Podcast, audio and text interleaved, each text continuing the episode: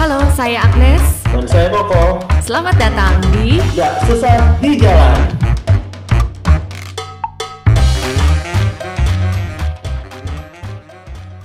Halo, apa kabar? Halo, Ketemu lagi, lagi. di di nggak sesat di jalan episode 9. Episode 9. Waduh, ini ternyata udah mulai ada yang dengerin kita.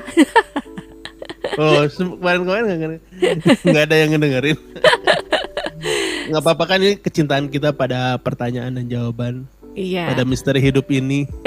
Untuk Iya, seperti biasa kita berdua akan menjawab pertanyaan-pertanyaan atas kejadian-kejadian yang terjadi seputar kehidupan yang ada di sosial media, di Quora, yang ada di Quora. yang menjadi keingintahuan kita aja sehari-hari seperti apa. Iya, betul.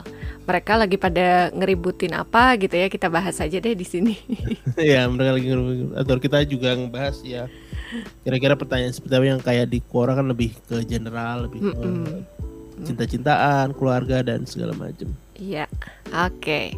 Seminggu kemarin ada apa aja yang rame ya? Kayaknya banyak banget sih setelah banyak perdebatan ini itu gitu ya. Kejadian-kejadian belanja juga itu heboh banget sih.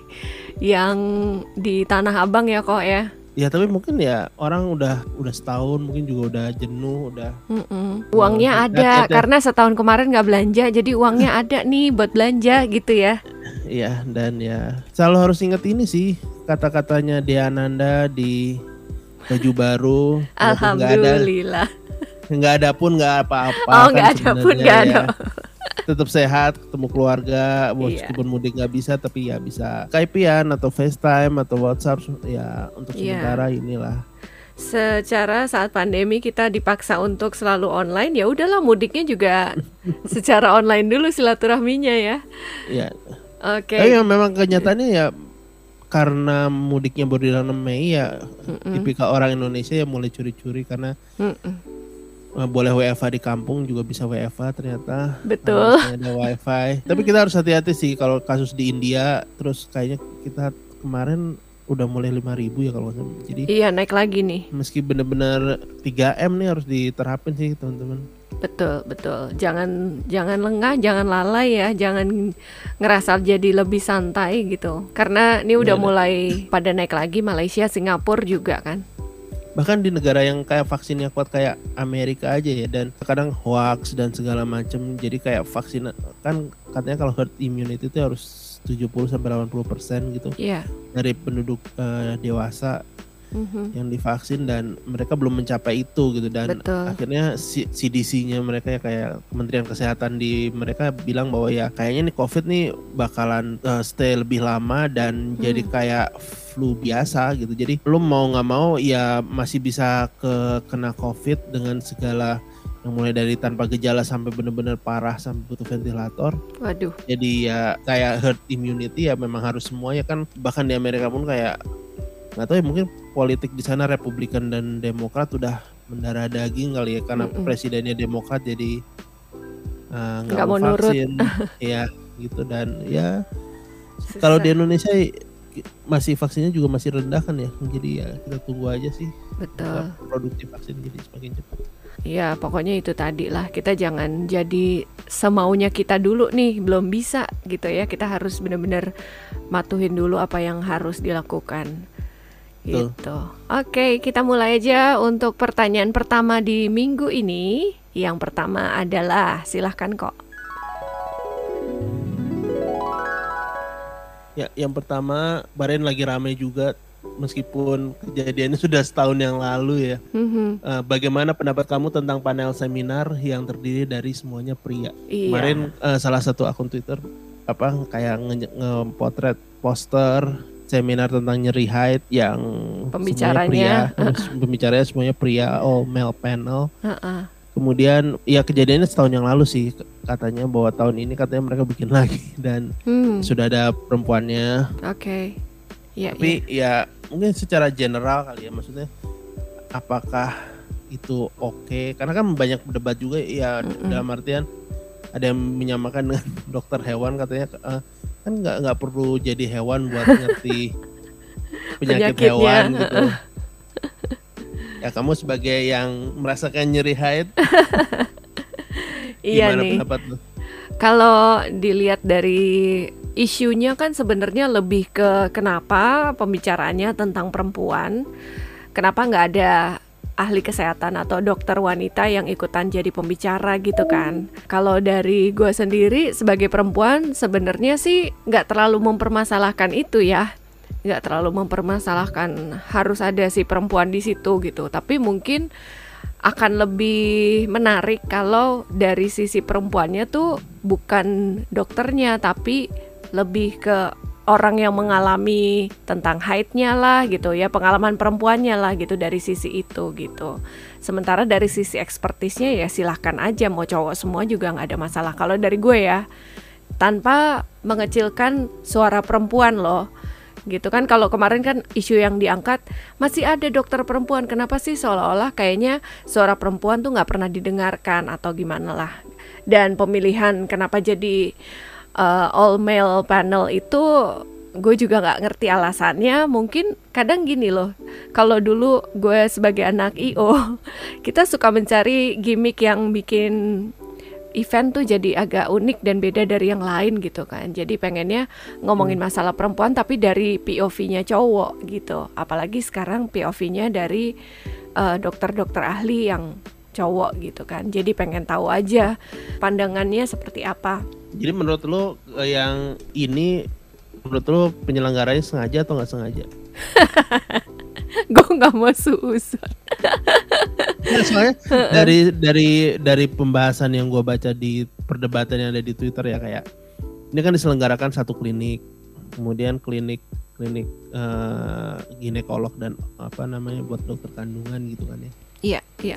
Dan itu katanya pembicaranya ada dari klinik itu dan di situ katanya semuanya dokternya cowok itu salah Di, satu di klinik itu semuanya laki dokternya. cowok ya Oh. dokternya semuanya eh, kebetulan laki Hmm, kemudian ada yang berpendapat ya ter- memang tergantung IO-nya sih tapi ya apakah Mm-mm. memang harus untuk mempromosikan suatu kan bisa kayak itu mempromosikan kliniknya kan mm-mm. dan apakah memang harus apa ya kayak lu tadi ya gua gua baru mikir eh, ada pendapat lu bahwa IO-nya ternyata mungkin angle-nya sudut pandang dari dokter cowok Mm-mm. untuk membahas ny- nyeri haid Iya. kalau gua pribadi sih kayak ya udah tahun 2021 Mm-mm. menurut gue memang nggak masalah cuma Kayak nggak- kurang. kurang kurang pas aja gitu Iya, bahwa uh-uh. kayak nanti ngebahas tentang apa namanya aku nggak tahu ya data eh, SPOG di eh, perempuan di Indonesia kemarin gue nyari Hmm. kayaknya memang masih lebih banyak laki-laki sih dan apakah ini artinya bahwa kan kayak gitu eh, nggak nggak berarti juga bahwa perempuan nggak mendapat kesempatan jadi SPOG kan kalau kayak gitu kan spesialis kan harusnya tergantung perempuannya juga mau Iya. SPOG atau enggak kan Nah, itu betul, betul. itu ada angle itu juga kemudian dari sisi karena gue bukan dokter gue nggak tahu apa susah apa spesialis jadi SPOG Iya, iya, iya. kalau kata eh, temen gue bilang berat loh jadi dokter kandungan karena Ah. butuh tenaga buat Ngeluarin delivering baby bayi. jadi Ah, le- lebih ah. cocok laki kemudian Oh. juga kalau aku juga nggak tahu kalau misalnya kesehatan perempuan Mm-mm, di- dan dokter kandungan apa jadi satu atau mm. sebenarnya itu dua dua spesialis yang berbeda memang dua spesialis yang berbeda tapi kan kadang-kadang dokternya satu aku juga baca-baca di internet masih belum grab gitu mungkin Iya, lu iya. Ya mungkin dari- dari karena lu kedua, dokter alasannya kandungan lu cowok atau cewek dokter kandungan gue cowok. Karena gue waktu itu gue sama temen gue barengan kan hamilnya. Terus udah gitu kita nyari referensi mau cowok atau cewek ya gitu kan. Kalau buat gue kembali lagi gue nggak terlalu mempermasalahkan itu karena gue lebih memperhatikan yang lebih senior dan berpengalaman siapa sih gitu. Ternyata ada yang di rumah sakit asih tuh cowok gitu.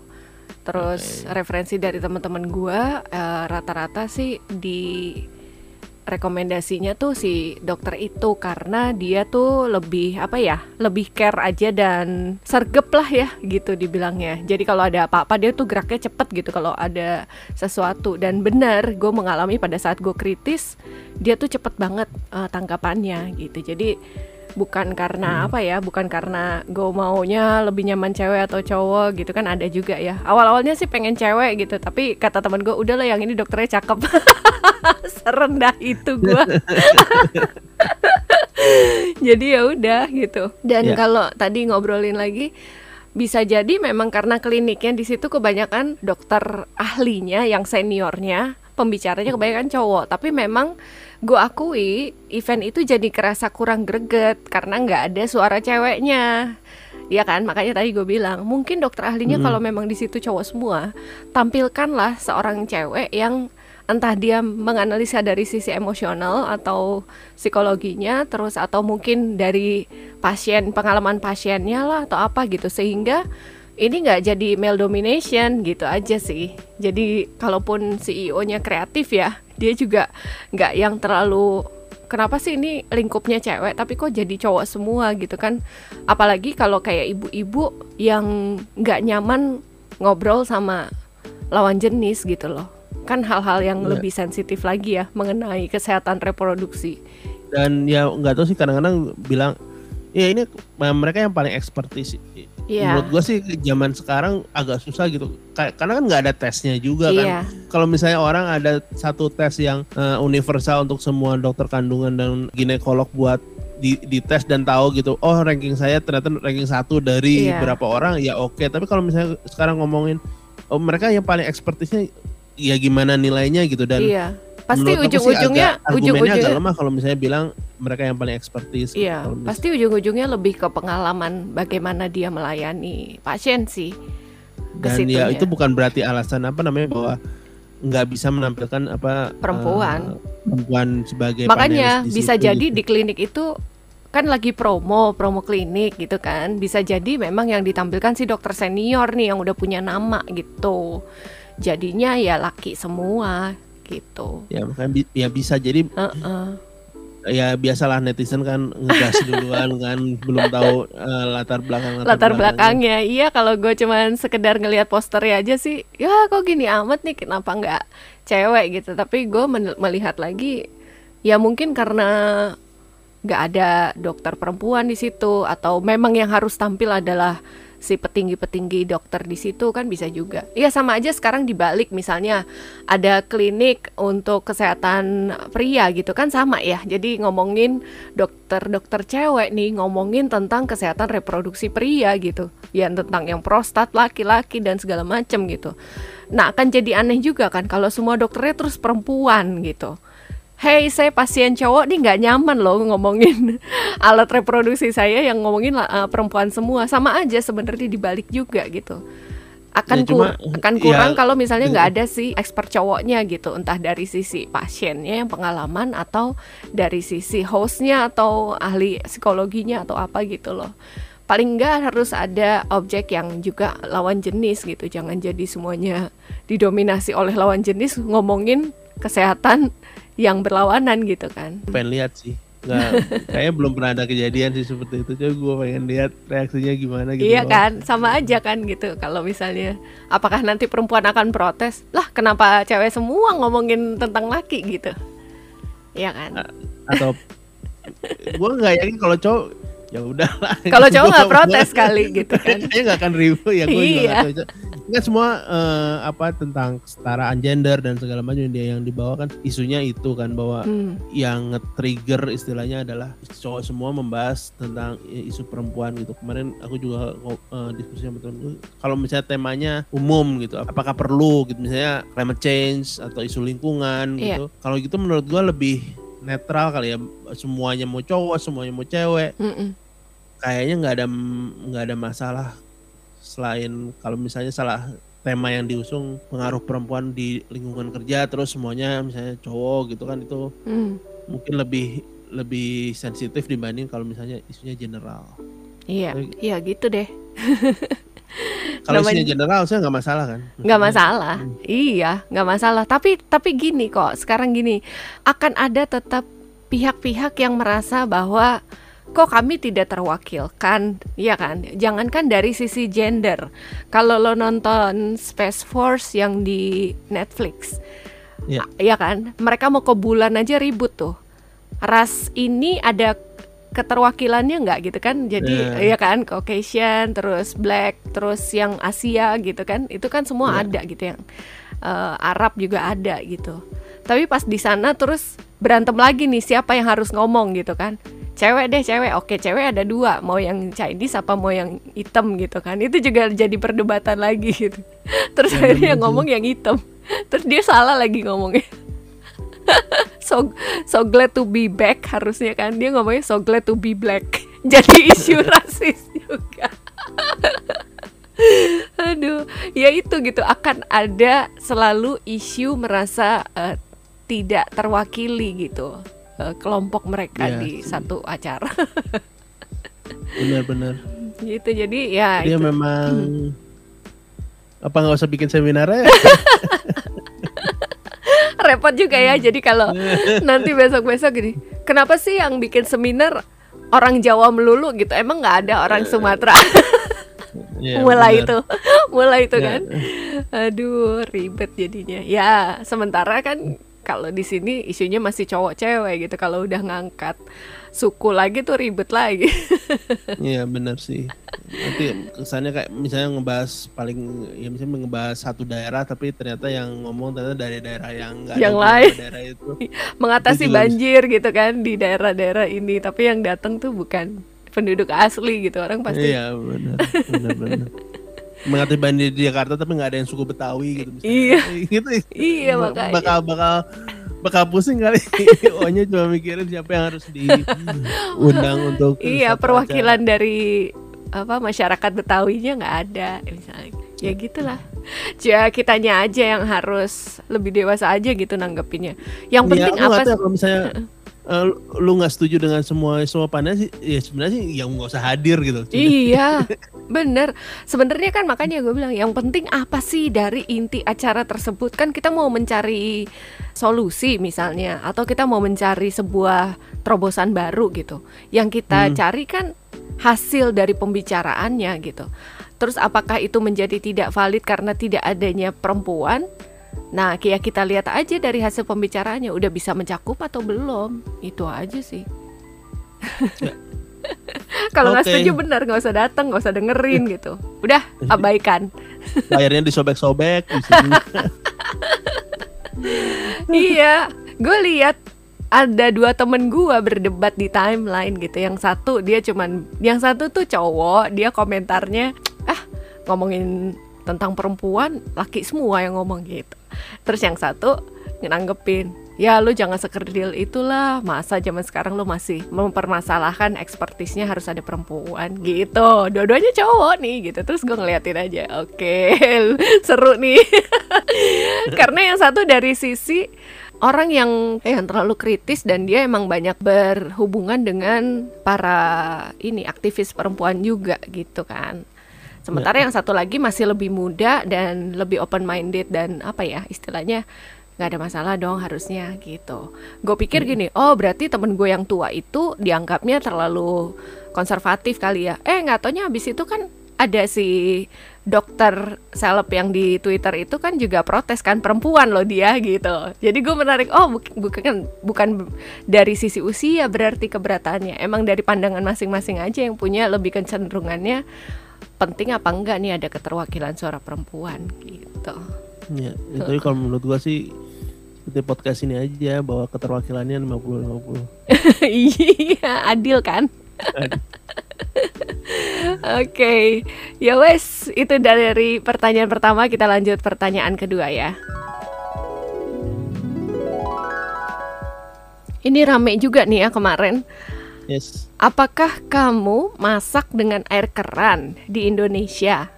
Lo kok gimana Ya, kok? gua enggak sih karena punya di mungkin dari kecil kali ya maksudnya eh, gua besarnya kan di Bandung dan kalau di Bandung kayaknya dulu zaman tahun 80-an 90-an belum ngetren yang namanya dispenser Mm-mm, mm-mm. ya atau aqua galon atau mungkin cuma keluarga gua gua nggak tahu tapi ya dulu memang masaknya langsung dari air keran ya dan dulu kan memang bersih kita nggak pernah ngecek sih ta- tapi paling nggak warnanya tetap jernih jadi untuk masak indomie masak masak masak semuanya eh, nyokap gua ngegunain itu gitu dan Mm, waktu dulu zamannya ada air filter inget nggak yang di mm-mm. kerannya ditaruh di atas terus ada penyaringan Iya. terus dianggapnya lebih bersih lebih sehat keluarga gua pakai itu terus habis itu pas zamannya dispenser ya mulai angkat-angkat galon Hmm. Iya. eh, lebih le- pas gua lebih gede lagi dan aku nggak inget eh, waktu udah kayaknya masih ada juga sih kayak 50% air keran 50% air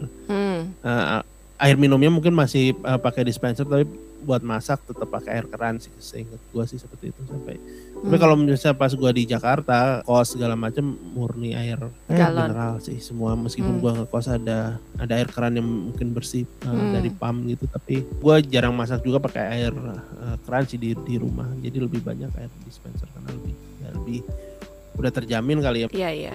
jernih dan nggak kotor dan segala macamnya itu Oke. Tapi lo merasa nggak bahwa lebih aman kalau masaknya pakai air galon? Lo lebih merasa ke kayak gitu nggak? kepraktisan sih Oh gua praktis, ya lebih ke praktis bukan karena lebih merasa itu aman gitu ya? sebelum ada apa namanya di Twitter yang ada masak pakai Indomie pakai air keran terus ada yang mempermasalahkan Hmm. dan sebagai segala macam itu gua nggak pernah mikirin sejauh itu sih mungkin Oh. karena dispenser lebih lebih praktis dan lebih bersih dan Mhm. kebia- kebiasaan juga gitu bahwa ya air keran lebih buat nyuci lebih buat mandi dan segala macam Hmm. misalnya Mhm. jadi ya udah nggak udah otomatis sih menurut gua Iya iya iya.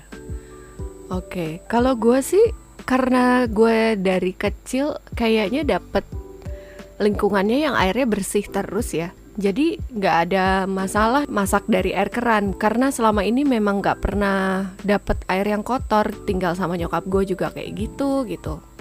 Jadi waktu pas masak pakai air keran dan kita masak airnya gitu tuh nggak ada masalah. Cuman pas gue udah pindah baru terakhir-terakhir aja kayaknya gue pakai air galon karena dari sisi kepraktisan sama kayak lu gitu bukan terus gue ngerasa jadi lebih bersih atau gimana ya. Cuma kalau dibilang air di Indonesia itu nggak sepenuhnya bersih ya gue tahu. Karena air di kita tuh kan nggak boleh kayak kalau di luar negeri kan mereka boleh ya yang minum langsung dari keran gitu ya.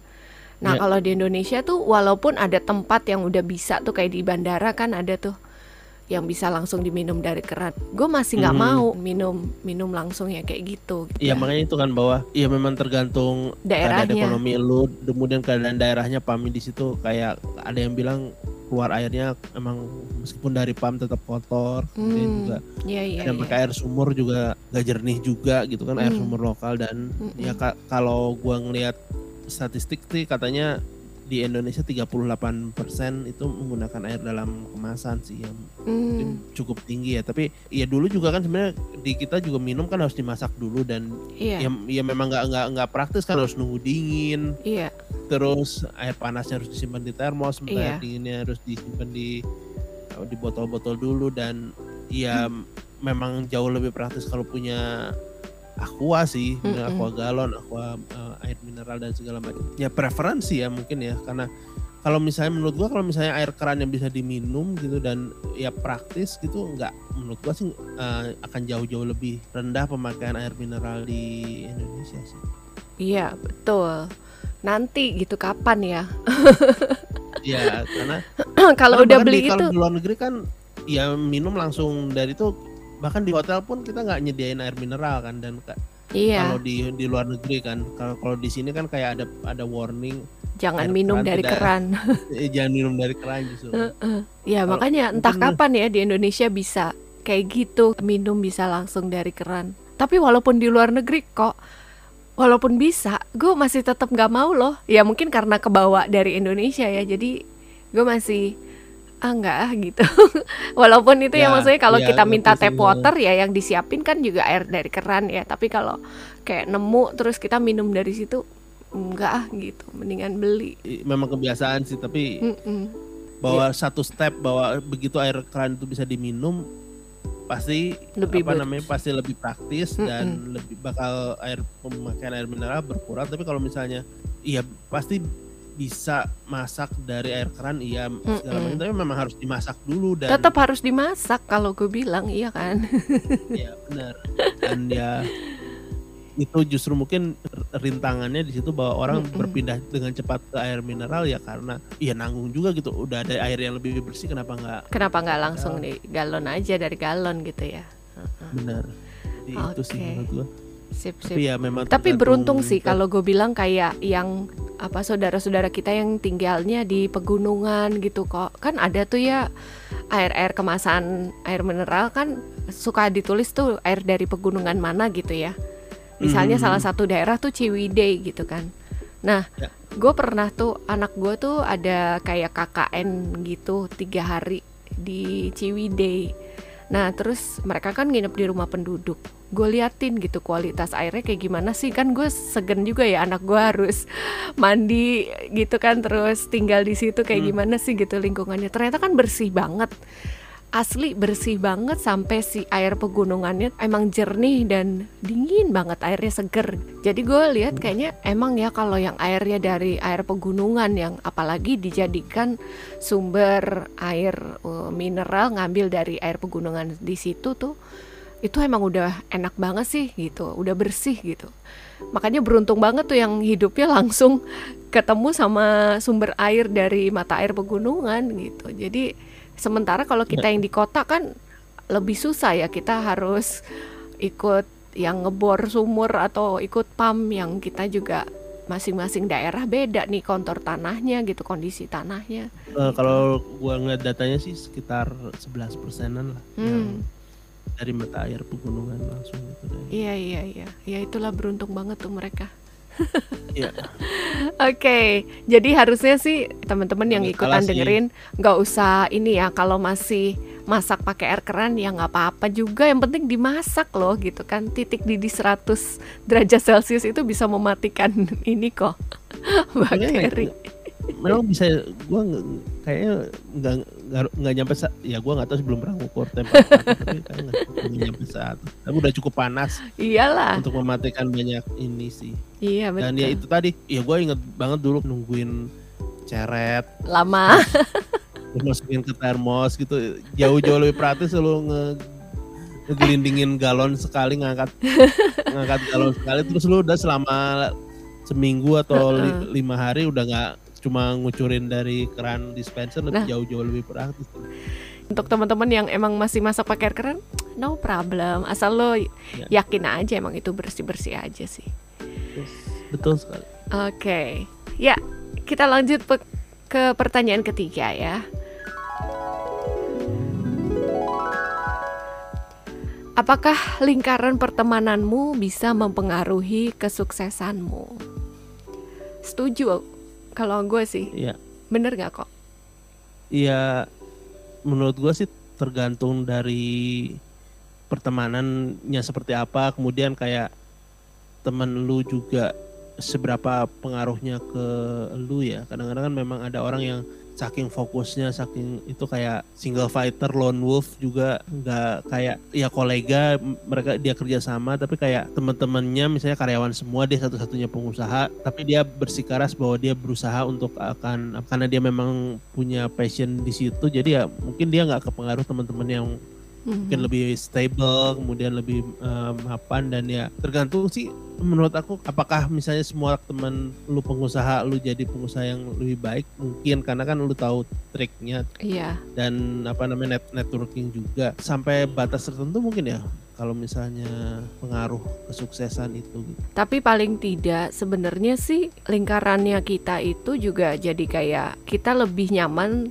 bergaul sama orang-orang yang punya satu visi sama kita sih. Pergerakannya tuh sama gitu loh. Ya, Kemarin kita pernah bahas gitu kalau kita berteman sama pergerakannya nggak sama kayak diajakin begini ah males ah ah inilah itu kita juga akhirnya menjauh lah dari dia karena ngerasa nggak cocok jadi gue sih setuju aja karena beberapa kali juga gue merasa pertemanan-pertemanan gue nih ada yang asik cuman buat nostalgia aja. Iya kan? Karena kita pernah di satu lingkungan kerja yang sama hahaha masih ketemuan ketawa bareng untuk nostalgia aja ya udah gitu. Tapi untuk yang teman-teman yang istilahnya lebih banyak berinteraksi terus lebih banyak bertukar pikiran lebih banyak ngebahas masalah macam-macam tuh kayaknya beda sama teman-teman yang tadi cuman sekedar buat nostalgia doang gitu. Kalau kita ada di lingkaran yang pergerakannya sama otomatis kita juga akan ngeliat oh teman-teman gue nih kalau ada masalah nih kayak begini nih solusinya.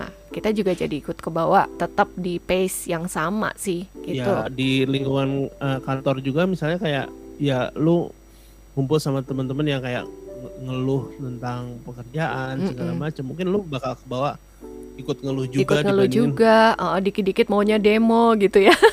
Heeh, dan dibandingin dengan dia punya teman yang memang apa kerja keras tiap Iya. hari tepat tepat waktu dan segala macam ya ya kayak dulu di sekolah gua juga kayak ada kayak ada dibagi tiga kelas kan dan ada satu kelas yang memang lebih ribut dibanding kelas yang lain dan Iya, iya. kayak ranking saat ya rata-ratanya lebih lebih rendah gitu kan Dan- Heeh, ada yang kelas ambisius gitu ya, ada yang kelas Nah, santuy Iya, gitu. iya.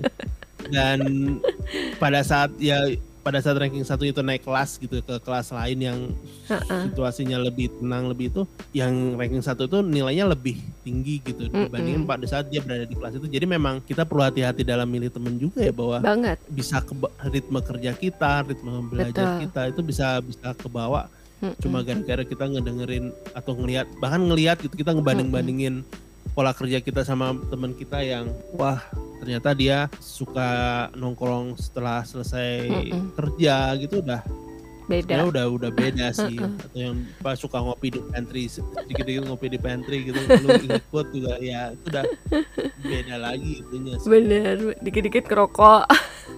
iya tapi ya kalau misalnya itu yang memang lu merasa lebih nyaman ya bu- ya tergantung apa yang lu kejar juga. Karena itu Tapi ya emang memang- pengaruh sih benar gitu. Jadi emang kita harus sadar juga gitu ya kalau ini pertemanan kita tuh ini nggak sih membawa faedah nggak sih gitu kan. Ada loh temen gue yang di satu circle tuh mereka punya mindset yang sama, yang nggak pernah mau berpindah dari comfort zone-nya mereka gitu. Sehingga bertahun-tahun mereka di posisi dan pekerjaan yang sama sekalinya gue challenge untuk mereka uh, take a leap gitu ya ngambil satu lompatan baru atau challenge yang baru nggak ada yang berani gitu. Mereka jadi kayak punya pembenaran karena satu circle itu mengiyakan pemikirannya dia yang betah dengan comfort zone gitu. Nah di situ gue udah mulai ngerasa nggak cocok kan gitu. Jadi sementara gue orangnya yang ya nggak bisa dong kalau lo ada tawaran yang lebih baik dan challenging buat lo untuk bisa maju lebih bagus ke depan kenapa nggak diambil gitu? Ya kadang ada orang yang tetap nyaman dan mereka akan nyaman nih sama orang-orang yang juga punya pikiran yang sama. Ya kalau misalnya kamu merasa bahwa wah ini gue udah terlalu comfort nih di sini ya dan lu butuh butuh apa sesuatu yang lebih lebih maju gitu ya mungkin ada baiknya lu meninggalkan pertemanan itu sih iya iya bukan bukan artinya disuruh jadi musuh sama mereka ya Iya. tapi cari cari network yang baru yang bisa ngeboost kita juga untuk eh, ya gue butuh temen yang punya pemandangan sama sama gue aja sih gitu kan Ya, dan ya kayak kayak mungkin di Jakarta banyak, juga Banyak. ya bahwa Hmm. ada yang apa kayak kumpulan pendiri startup kali ya ada kali ada ya. ada Ya. uh-uh. waktu itu kan Hmm, ada ininya tuh ada event meet up terus kan tuh jadi per eh, per ideas dan topik gitu jadi bisa saling kenalan bisa saling akhirnya bikin apa community bareng kayak gitu gitulah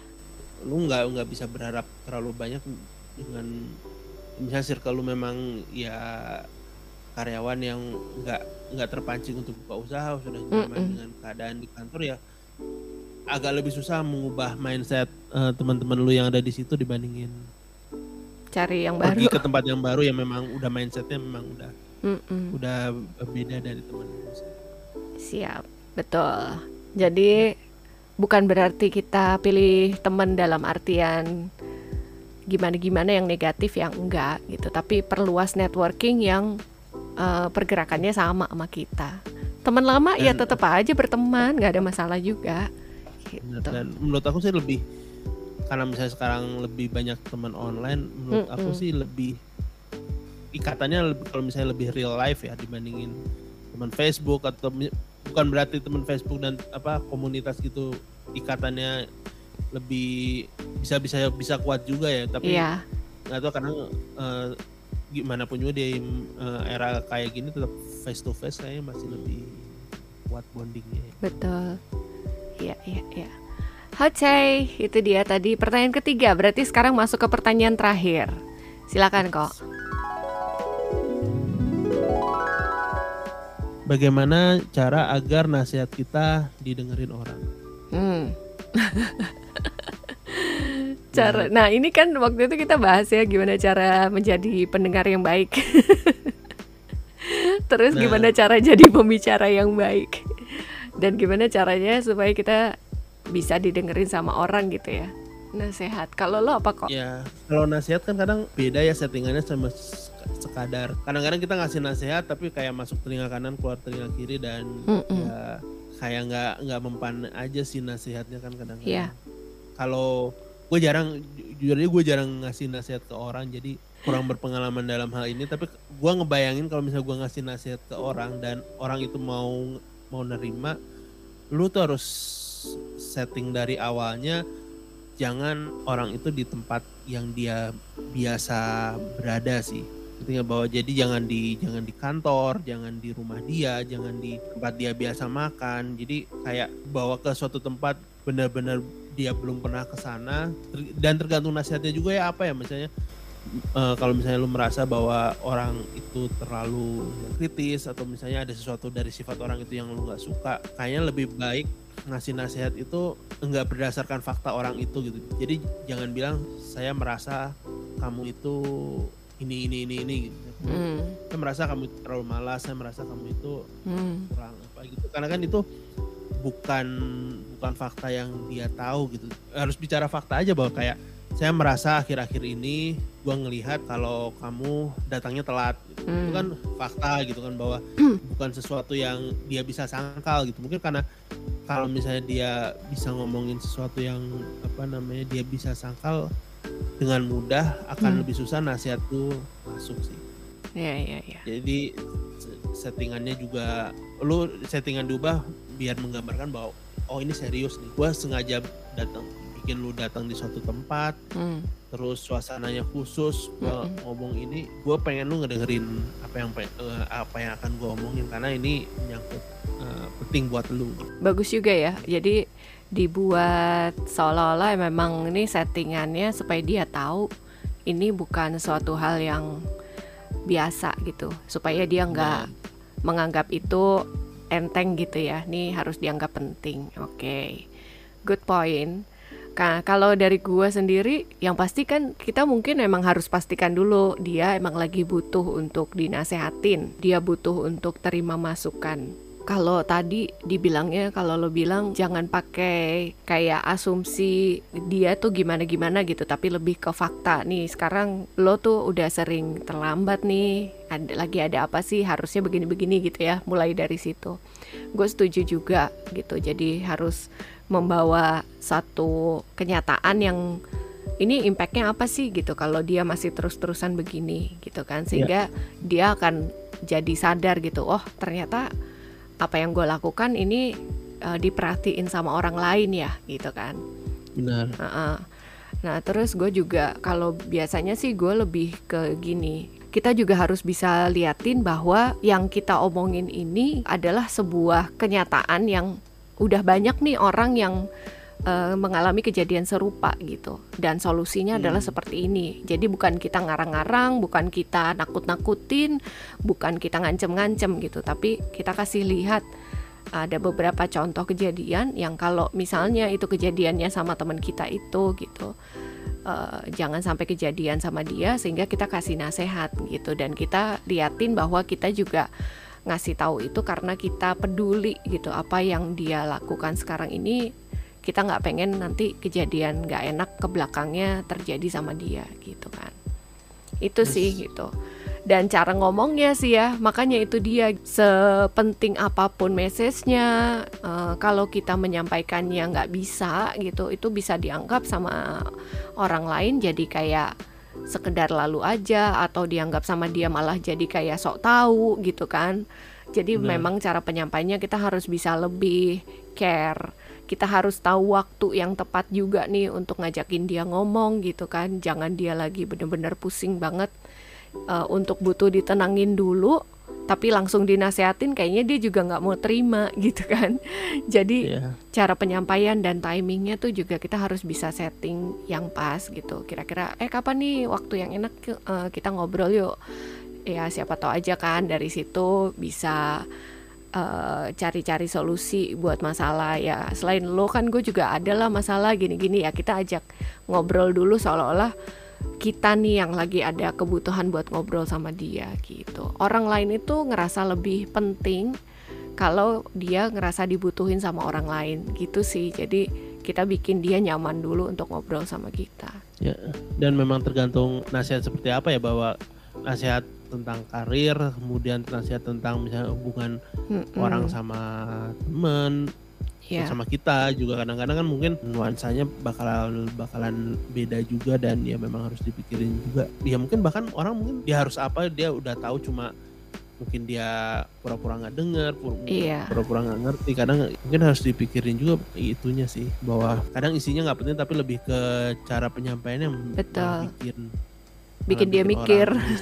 untuk melakukan perubahan di dirinya dan Mm-mm. ya nggak bisa disangkal juga hubungan kita sama orang itu juga ngaruh sih. Betul. Kadang-kadang ya lu keluarga deket atau lu nasehatin orang tua lu sendiri atau misalnya kakak lu sendiri kadang pasti pasti lebih susah dibandingin ya mungkin temen yang lebih mau ngedenger lu gitu Iya. kan karena kalau misalnya memang lu merasa bahwa nasihat lu udah ngelakuin yang kita tadi Mm-mm. bilang kita udah ditaruh dan dia masih nggak mau ngedenger ya ya sudah terima Mm-mm. aja bahwa memang dia nggak mau ngedenger eh, perkataan nasihat kita ya entah ya mungkin perlu butuh dia dengar dari orang lain Tapi ya Sering itu ya. tadi ya, Iya. kalau misalnya orangnya emang kayak nggak mau dengerin kita karena dia nganggap kita nggak kompeten ngomongin itu, misalnya karena dia kakak kita, karena dia orang tua kita, terus kita dianggap ah, lo tau apa sih gitu ya. Tapi lo sampein sampein aja deh, karena ya kita nggak pernah tahu ternyata dari omongan kita yang kayak gimana tuh nyangkut gitu di otaknya dia gitu, nyangkut di kepalanya dia gitu. Misalnya kita udah ngomong, tiba-tiba besok-besok ada lagi temennya ngomong yang sama gitu. Dia kan jadi kayak bertambah ada fakta lagi. Kok kayaknya udah berapa orang nih ngomong yang sama tentang gua nih gitu kan. Sehingga akhirnya dia mikir gitu sih. Jadi walaupun kita ngerasa kayaknya nggak bakal didengerin, nggak apa-apa lo omongin aja. dan Caranya nasihat nggak kadang-kadang nggak nggak impactnya nggak langsung Bener. didengerin saat itu terus besoknya berubah gua nggak yakin sih pasti itu karena di- karena ada orang yang butuh berapa kali dijedotin gitu ya kayak ah gue berapa kali nih ngedenger orang ngomong kayak gini lagi gitu udah tahu dia gue gitu nge- ngerenung dan segala macem ya Heeh. pada saat ya mungkin nasihat tuh baru disadarin dia ya kayak sebulan kemudian atau seminggu kemudian tapi ya bukan berarti pas saat itu eh, nggak didengerin sih Iya. berarti betul tapi Jadi- ya nggak tahu kadang-kadang kan ka- orang bilang eh, apa namanya cara penyampaian kemudian apa nada suara lu justru Mm-mm. berpengaruh lebih besar dibandingin apa yang lu omongin apa yang lu omongin sendiri gitu dan iya ya kalau bisa sih face tatap muka sih tetap ya idealnya kan memang face to face gitu kan bisa ketemu mau pakai FaceTime mau pakai video call gitu. Tapi kalau emang nggak bisa ya pakai tulisan gitu. Dia mau baca atau enggak yang penting kita udah nyampein. Gitu sih. Kalau nggak voice voice note ya zaman sekarang. Iya face note juga. Gitu. Ya dan ya mungkin kalau misalnya lu nggak nggak nggak terbiasa menyampaikan aku rasa sih kalau misalnya lu nulis dulu apa yang pengen lu sampaikan bukan kayak apa nama impromptu pada saat itu lu merasa tahu apa yang pengen lu sampaikan susun biar dulu lu yakin bahwa itu message yang pengen disampaikan ke orang itu kalau misalnya memang orang itu merasa butuh butuh apa ada attitude dia yang harus diubah sama perkataan-perkataan lu. iya betul jadi semangat Ya. oke ya wes kalau gitu berarti cukup ya untuk Cukup. episode ke-9 nggak sesat di jalan. Mudah-mudahan setelah mendengarkan podcast ini yang kemarin ada keributan-keributan dan belum ada solusinya. Dan- mungkin Ya, atau misalnya lu merasa ada yang ah ini kayak kurang nih. Ya coba aja bisa ke Instagram dan Twitter kita. Iya. di @ko2w dan @agnesmarlita @akokowe di Instagram dan @agnesmarlita di Instagram juga. Siap. Ya eh, bilang aja apa yang kurang dari diskusi kita yang terkait dengan eh, yang kita bahas hari ini. Mungkin betul. lu merasa ada yang di- ditambahin atau misalnya lu ada cerita pengalaman juga bahwa uh, pernah kok gua keracunan gara-gara minum air iya iya iya. Boleh boleh boleh Kita kalau Jadi, kalau ada pertanyaan-pertanyaan yang pengen dibahas juga boleh silahkan kirim ke situ ya. Atau kalau misalnya mau email eh, tanya at nggak sesat.com Oke, nanti kita bahas di salah satu episode kita. siap. Oke, kalau gitu sampai ketemu minggu depan. Gak sesat di jalan mengucapkan selamat hari raya Idul Fitri. Mohon maaf lahir dan batin. Selamat berlibur untuk teman-teman semua. Sampai ketemu minggu depan. Bye bye. Dah. Minal aidin wal faidin Maafkan lahir dan batin Selamat para pemimpin Rakyatnya makmur terjamin